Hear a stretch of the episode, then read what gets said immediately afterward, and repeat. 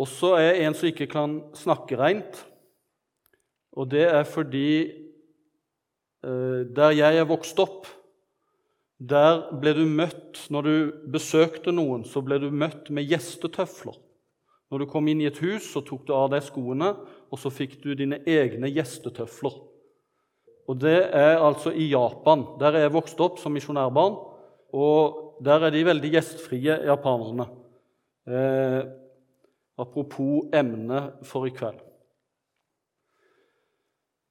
Så jeg vokste opp som misjonærbarn, vært kristen det meste av livet. Var en periode i slutten av ungdomsskolen og begynnelsen på videregående på vei bort fra Jesus.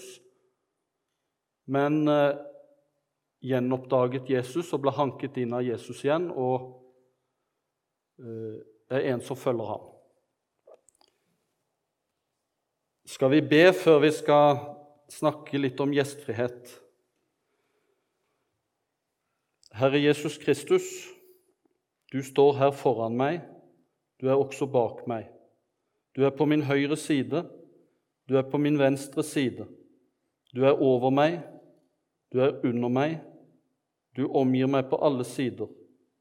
Du bor i mitt hjerte, du gjennomtrenger meg helt, og du elsker meg, Herre Jesus. Jeg takker deg for, og jeg ber nå om at du må berøre oss at du må åpne våre ører, sinn og hjerter for det som ligger deg på hjertet. Amen.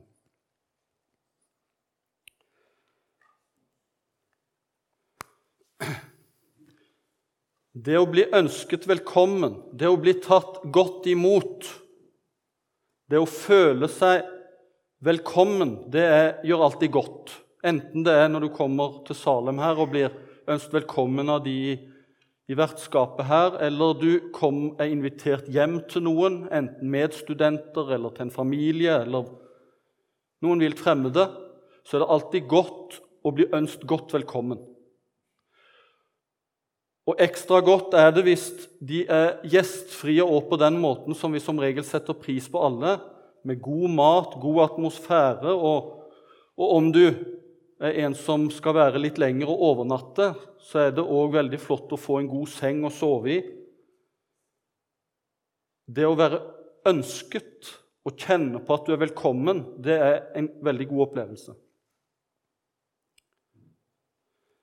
Men når jeg skal snakke om gjestfrihet i kveld, så handler det ikke først og fremst om denne når du blir ønsket velkommen i et hjem eller her i Salem, og hvordan du blir behandla i starten eller etter hvert, men litt dypere og litt videre den gjestfrie holdningen.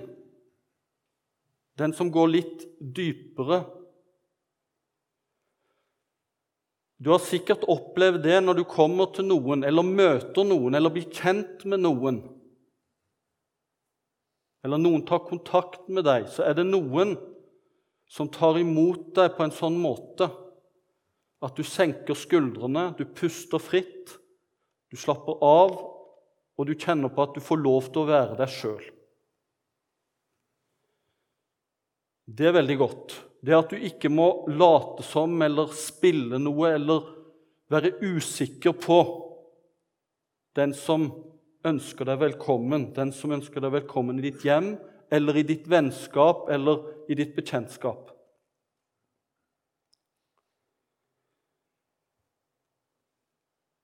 Hvordan tar vi imot hverandre? Og Motsatt så er det ikke noen god opplevelse hvis du blir tatt dårlig imot, eller du føler at du egentlig ikke er velkommen, at det bare er på utsiden med smilet og det kunstige, og at de egentlig ikke er interessert i livet ditt. Egentlig vil det at du skal være annerledes enn du er.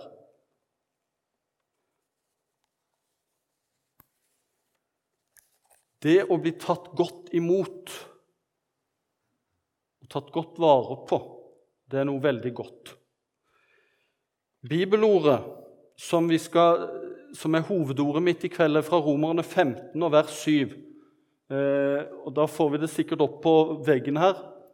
Eh, og Vi har det med i to oversettelser fordi de er litt forskjellige, men de får fram faktisk to viktige poeng i, i dette verset, det er Paulus som skriver til romen, romerne, sier han, ta dere derfor av hverandre, like som Kristus tok seg av dere, nei, oss til Guds ære.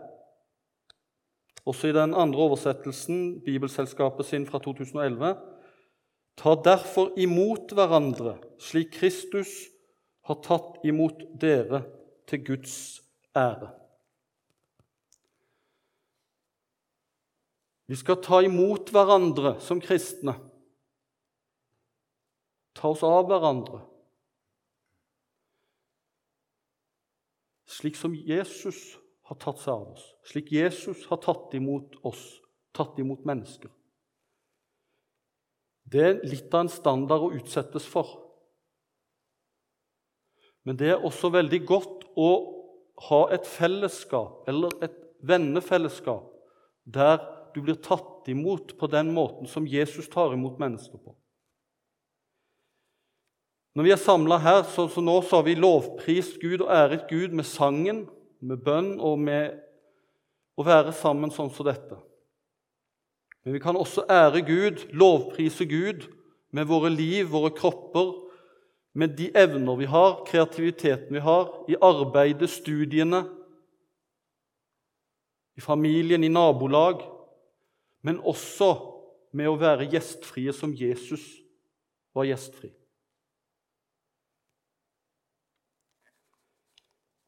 Jesus han er en vidunderlig person, en vidunderlig herre som tar seg av oss og tar imot oss, slik bare han kan gjøre. Det kristne fellesskapet det er ofte sammenligna med en familie også. En familie der du hører til, der du kan slappe av, være deg selv, iallfall i et godt hjem. Og i en kjernefamilie der det er godt å være, så kan du på en måte, når du kommer inn i hjemmet ditt, til familien din, de du er glad i, de som er glad i deg, så kan du slappe av og puste fritt. Og Slik ønsker altså Jesus at også vi skal ha det i forsamlingen, i det kristne fellesskapet. At vi kan senke skuldrene, puste fritt og få være oss selv. Men det er ikke alt som er helt likt på en måte. Vi sammenligner det kristne fellesskapet med en vanlig familie. Det gjør Bibelen. Og mye er likt. Vi er søsken, vi er familie, vi tilhører hverandre. Vi betyr noe for hverandre. Vi tar imot hverandre og tar oss av hverandre. Men det er noen forskjeller som vi kanskje ikke alltid tenker på og som faktisk er litt av det som Paulus skriver dette verset inn i. Det er at i den kristne fellesskapet så har vi ikke helt samme bakgrunn. I en kjernefamilie så er vi født inn i samme familie, har vokst opp med samme erfaringer, bodd i samme hus år etter år, gått ut inn dørene. Vi har litt de samme genene, kjøtt og blod. Vi har samme oppdragelse, vi har de samme så å si, rutiner og litt av væremåte. Mens i den kristne forsamling så samles veldig ulike mennesker. Paulus skriver til en menighet i Roma som består av både jøder og hedninger. Og Blant hedningene så var det både romere, grekere, partere, etruskere Mange forskjellige folkeslag og kulturer. Og Det gjorde at det var ikke like enkelt som i en kjernefamilie å forstå hverandre. Det byr på egne utfordringer. I kapittel 14 i Romerbrevet snakker Paulus om en del utfordringer knytta til mat, kjøtt og drikke, offerkjøtt og sånne ting, som på den tiden var en utfordring mellom jøder og hedninger. Og Det skal jeg ikke gå inn på noe særlig i kveld. Men også i vår tid så kommer du og jeg med forskjellig bakgrunn til det kristne fellesskapet. Vi er vokst opp i forskjellige familier. Noen er vokst opp sånn som jeg, som misjonærbarn i Japan og har third cultural kid-erfaring. Noen av dere er vokst opp her i Stavanger og har bodd her hele livet. Noen av dere er vokst opp i et trygt og godt hjem. Noen har kanskje opplevd samlivsbrudd og utfordringer, brutte relasjoner i deres familie, og at det har satt spor i livet ditt. Noen er vokst opp i et strengt kristent hjem, strengt bedehushjem kanskje. Andre er vokst opp i litt friere kristne hjem. Andre er kanskje vokst opp i et ikke-kristent hjem, ateistisk hjem. Og vi har alle også forskjellige erfaringer i livet, med opp- og nedturer. Noen har livet gått ganske greit med. Livet har fart ganske greit med dem. Mens andre har livet fart ille med. Har opplevd og erfart vonde ting, kanskje overgrep og overtramp fra nære relasjoner eller andre.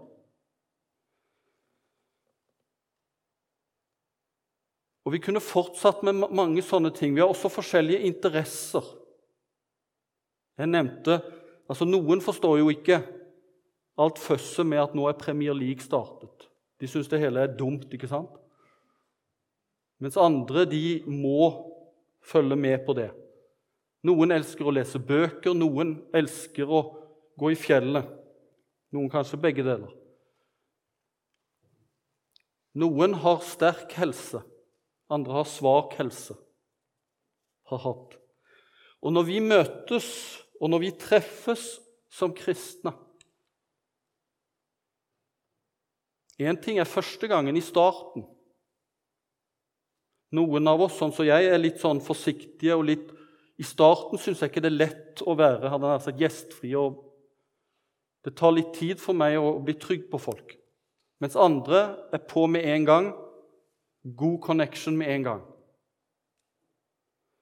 Men uansett, når det går over tid, det er da det virkelig settes på prøve om vi klarer å ta imot hverandre, gi rom for hverandre, ta oss av hverandre på en positiv måte og ta på alvor de forskjellige menneskene vi er, med de forskjellige erfaringer vi har. Og så vil Jesus at vi skal ta imot hverandre slik som han har tatt imot oss. Han tok imot syndere og tollere, de som livet var gått i stykker for, de som hadde tatt dårlige valg, de som levde utenfor det som var standarden, det som var rett. Jesus overrasket og overveldet disse med barmhjertighet, nåde og tilgivelse. Mennesker som ikke ventet Jesu vennskap og tilgivelse, ble overrasket av det av Jesus. Og Jesus han, han hadde ikke berøringsangst med mennesker som skammet seg, som andre skammet seg over, som andre ikke ville være sammen med. Eller de spedalske som ingen ville røre. De berørte han med den gode berøringen.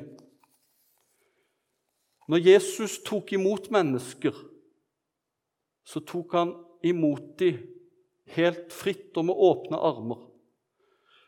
Og I Matteus 11, 28, som vi kan få opp på veggen, så sier Jesus, 'Kom til meg, alle som strever og har tungt å bære, og jeg vil gi dere hvile.' Jesus inviterer og tar imot alle de som strever, alle de som livet har fart ille med.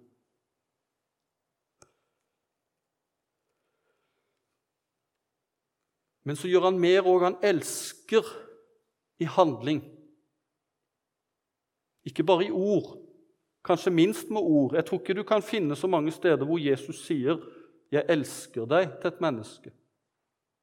Men i handling og måten han tok imot dem, tok seg av dem på I fortellingen han fortalte, så viste han hvordan han tok imot hvem som helst. Uansett bakgrunn, uansett liv, og livsvalg. Og så gikk han enda dypere til faktisk å gi livet sitt, ofre livet sitt, sånn at han kan tilgi oss og lukke oss inn i sitt fellesskap. Jesus overrasket og provoserte sin samtid med måten han tok imot mennesker på. Han spiste, hadde måltidsfellesskap med mennesker som de religiøse lederne og de fromme ikke så å si ville røre ved. De ville ikke gå over dørstokken til disse, prostituerte eller tollere eller andre forbrytere. Men Jesus gikk over dørstokkene og tok imot dem alle. Så kan vi spørre og du kan spørre deg her i kveld, og ikke svar for fort er jeg gjestfri. Har jeg en gjestfri livsholdning i møte med andre? Gjestfrihet etter Jesu hjerte, det kan vi også se i Lukas 14. Hvis vi får opp det òg. Der sier Jesus til en som hadde invitert ham som gjest, en av de som livet hadde fart greit med en av lederne. Han sa til ham som hadde innbudt ham, når du har gjestebud til middag eller kvelds, skal du ikke be venner og brødre og slektninger eller rike naboer, for de vil da be deg igjen, og du får gjengjeld. Men når du gjør gjestebud, da innbyr fattige, vannføre, lamme, blinde. Da skal du være salig for de har ikke noe å gi deg igjen. Jeg må innrømme at min gjestfrihet handler mest om de jeg trives med, familie og venner. Hvor ofte inviterer jeg inn i livet mitt rent konkret i hjemmet mitt, eller i mitt liv, i mitt vennskap, i min medvandring med dem, Mennesker som har tatt valg jeg ikke liker eller går god for. Eller mennesker som jeg ikke klikker med kjemien på. Mennesker som kanskje til og med illeluktende, sære, spesielle. Som ikke er så elskverdige. Det å elske eller være glad i de som du trives med, de som gjør deg godt, de som ikke tapper deg for krefter. Det sier Jesus, det gjør også hedningene, det gjør også tollerne og synderne. De tar seg av sine venner. Men Jesus han elsker til og med sin fiende. Vår himmelske Far er god mot de utakknemlige og onde. Det ligger i ordet 'elskverdig'. Det er greit å elske de som er elskverdige. Men det er vanskeligere å elske de ufyselige, de tåpelige, de vanskelige, de som tapper deg for krefter. I parentes bemerket så er det viktig at vi har noen venner som gir påfyll, og som gir oss krefter, en indre kjerne av venner som gir oss krefter og overskudd. Vi skal ikke tenke sånn at vi skal bare være sammen med folk som tapper for krefter, som gjør oss vondt, men Jesus han utfordrer oss til å utvide vår gjestfrie holdning også til de som er utenfor de elskverdige, utenfor de som du umiddelbart trives med. 2. Korinterbrev 6, 11-13, så sier Paulus det sånn til korinterne. Vi har talt åpent ut til dere korintere Vårt hjerte har utvidet seg. Dere har ikke trangt rom hos oss, men i deres eget hjerte er det trangt. Men gi oss like for like. Jeg taler som til barn. Også dere må utvide hjertene. Gjestfrihet det handler om å skape et rom for den andre, for de andre, hvor de kan få være seg selv. Har vi et stort hjerterom, har vi plass for andre? Har du plass for, og har du hjerte for de ulykkelige, for de sårede, for de vanskelige. Vær barmhjertige, slik som deres himmelske Far er barmhjertig, sier Jesus i det som er budskapet i morgen rundt omkring i kirker og bedehus. Er du barmhjertig? Er du gjestfri? Er jeg gjestfri? Ordet 'barmhjertig' det betyr å ha hjerte for armingen for den ulykkelige. Eller som det egentlig på gresken er å lide med, ha medfølelse med, gå inn i den andres liv. Gråte med han, spørre etter han, hjelpe han. Så et par konkrete eksempler på hvordan vi kan være gjestfrie også i en forsamling, fra apostelgjerningene. Apostelgjerningene 9. Så står det om Paulus, den store apostelen. Når han var blitt en kristen, når han var blitt ny på veien, så står det at da han kom til Jerusalem, der liksom hovedmenigheten eh, Oppstartsmenigheten for den kristne kirke og menighet Når han kom dit, prøvde han å slutte seg til disiplene. Han ville være med i fellesskapet. Men alle var redd ham, og det var ikke så rart. Det var ikke rart de var skeptiske, for han hadde forfulgt de kristne nådeløst.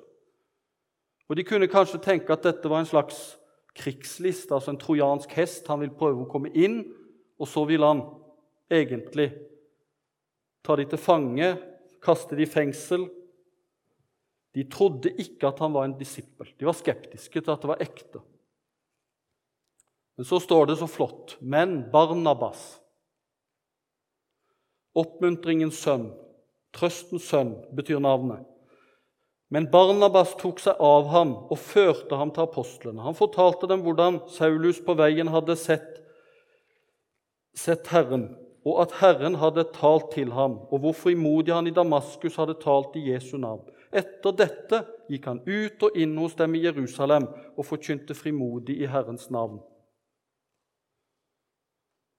Og du verden som vi trenger sånne barnabasser. Når det er noen som er nye på veien, eller som er søkende, som her i Salem er nysgjerrige på den kristne tro, eller er nettopp blitt kristne. At det er noen barnabasser som går med dem, tålmodig. Til tross for at de kanskje ikke skjønner språket her på bedehuset eller i Salem.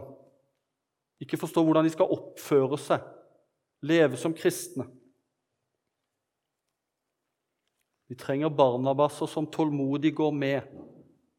Taler deres sak, forsvarer dem hvis de andre kristne begynner å baktale og snakke og mumle seg imellom. Det kan ikke være rett med han. Han kan ikke ha blitt skikkelig kristen sånn som han lever, sånn som han oppfører seg. Jeg har sett sånne barnabasser i aksjon i en del forsamlinger opp gjennom livet. De er ikke alltid de som står her på talerstolen eller ei styre og stell. Det er noen av de som stille tar seg av som en Barnabas. De nye, de forsiktige, de som trenger en medvandrer, som er tålmodig, som kan hjelpe og veilede og oppmuntre.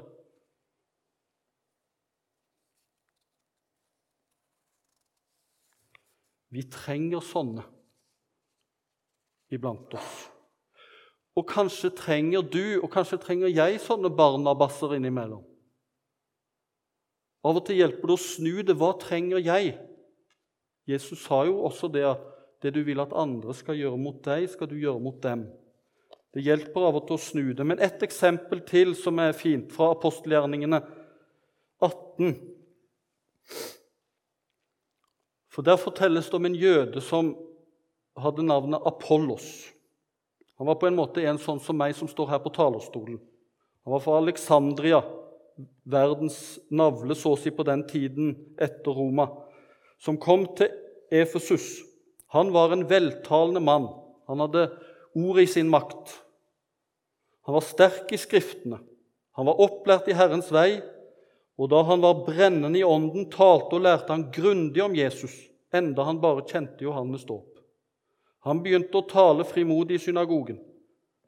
Da Priskilla og Akvilas hadde hørt ham, noen sentrale i forsamlingen der, ba de ham til seg og la veien nøyere ut for ham.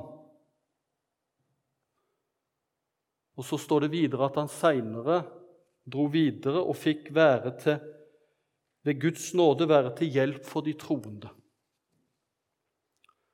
Også for oss viderekommende, om en skal bruke et sånt uttrykk. Vi som har levd som kristne i mange år, gått i forsamling eller Salem, eller hvor vi har gått på bedehuset, kirke Også vi trenger noen sånne Priscilla og Akvilaser som tar imot oss akkurat sånn som vi er.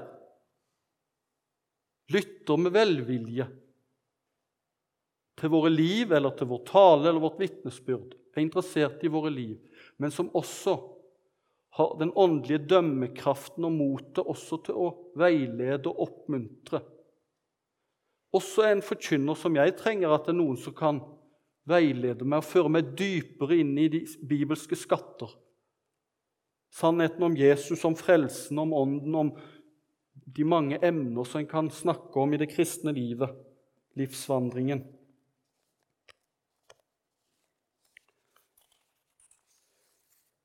Ta imot hverandre.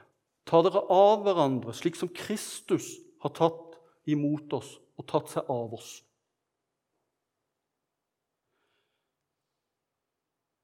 Vi må ikke ha det sånn iblant oss at vi blir redd hverandre, skeptisk til hverandre eller ser ned på hverandre.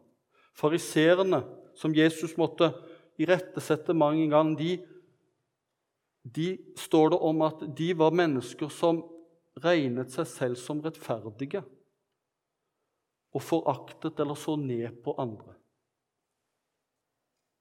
Kristen, gjestfri holdning den møter ikke mennesker på den måten, men med åpne armer, som Jesus møter oss. Kom, du skal få være deg selv. Det betyr ikke at du skal som vert være konturløs. Jesus var ikke konturløs. Han veiledet og han forvandlet livene til en Sakkeus, til prostituerte, til en Paulus.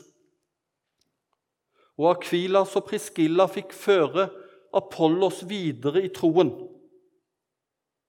Og Barnabas fikk hjelpe Paulus på de stegene han gikk. Men hele veien, og det er de gode nyhetene, hele veien så er Jesus slik at han tar imot oss akkurat sånn som vi er. Akkurat sånn som vi har stelt oss. Akkurat sånn som livet har fart med oss. Og slik skulle vi også møte hverandre. La oss få være den vi er, trygge puste fritt. Ja, og så kan vi hjelpe hverandre, snakke med hverandre, veilede hverandre og av og til kanskje til og med irettesette hverandre. Men jeg tror vi alle vet at det er mye lettere å ta imot veiledning og irettesettelse av noen som du merker har den gjestfrie holdningen at jeg skal få komme og være meg selv senke skuldrene, puste fritt når jeg er sammen med det mennesket, når jeg er i dette fellesskapet. Uansett hva jeg måtte, som måtte skje meg.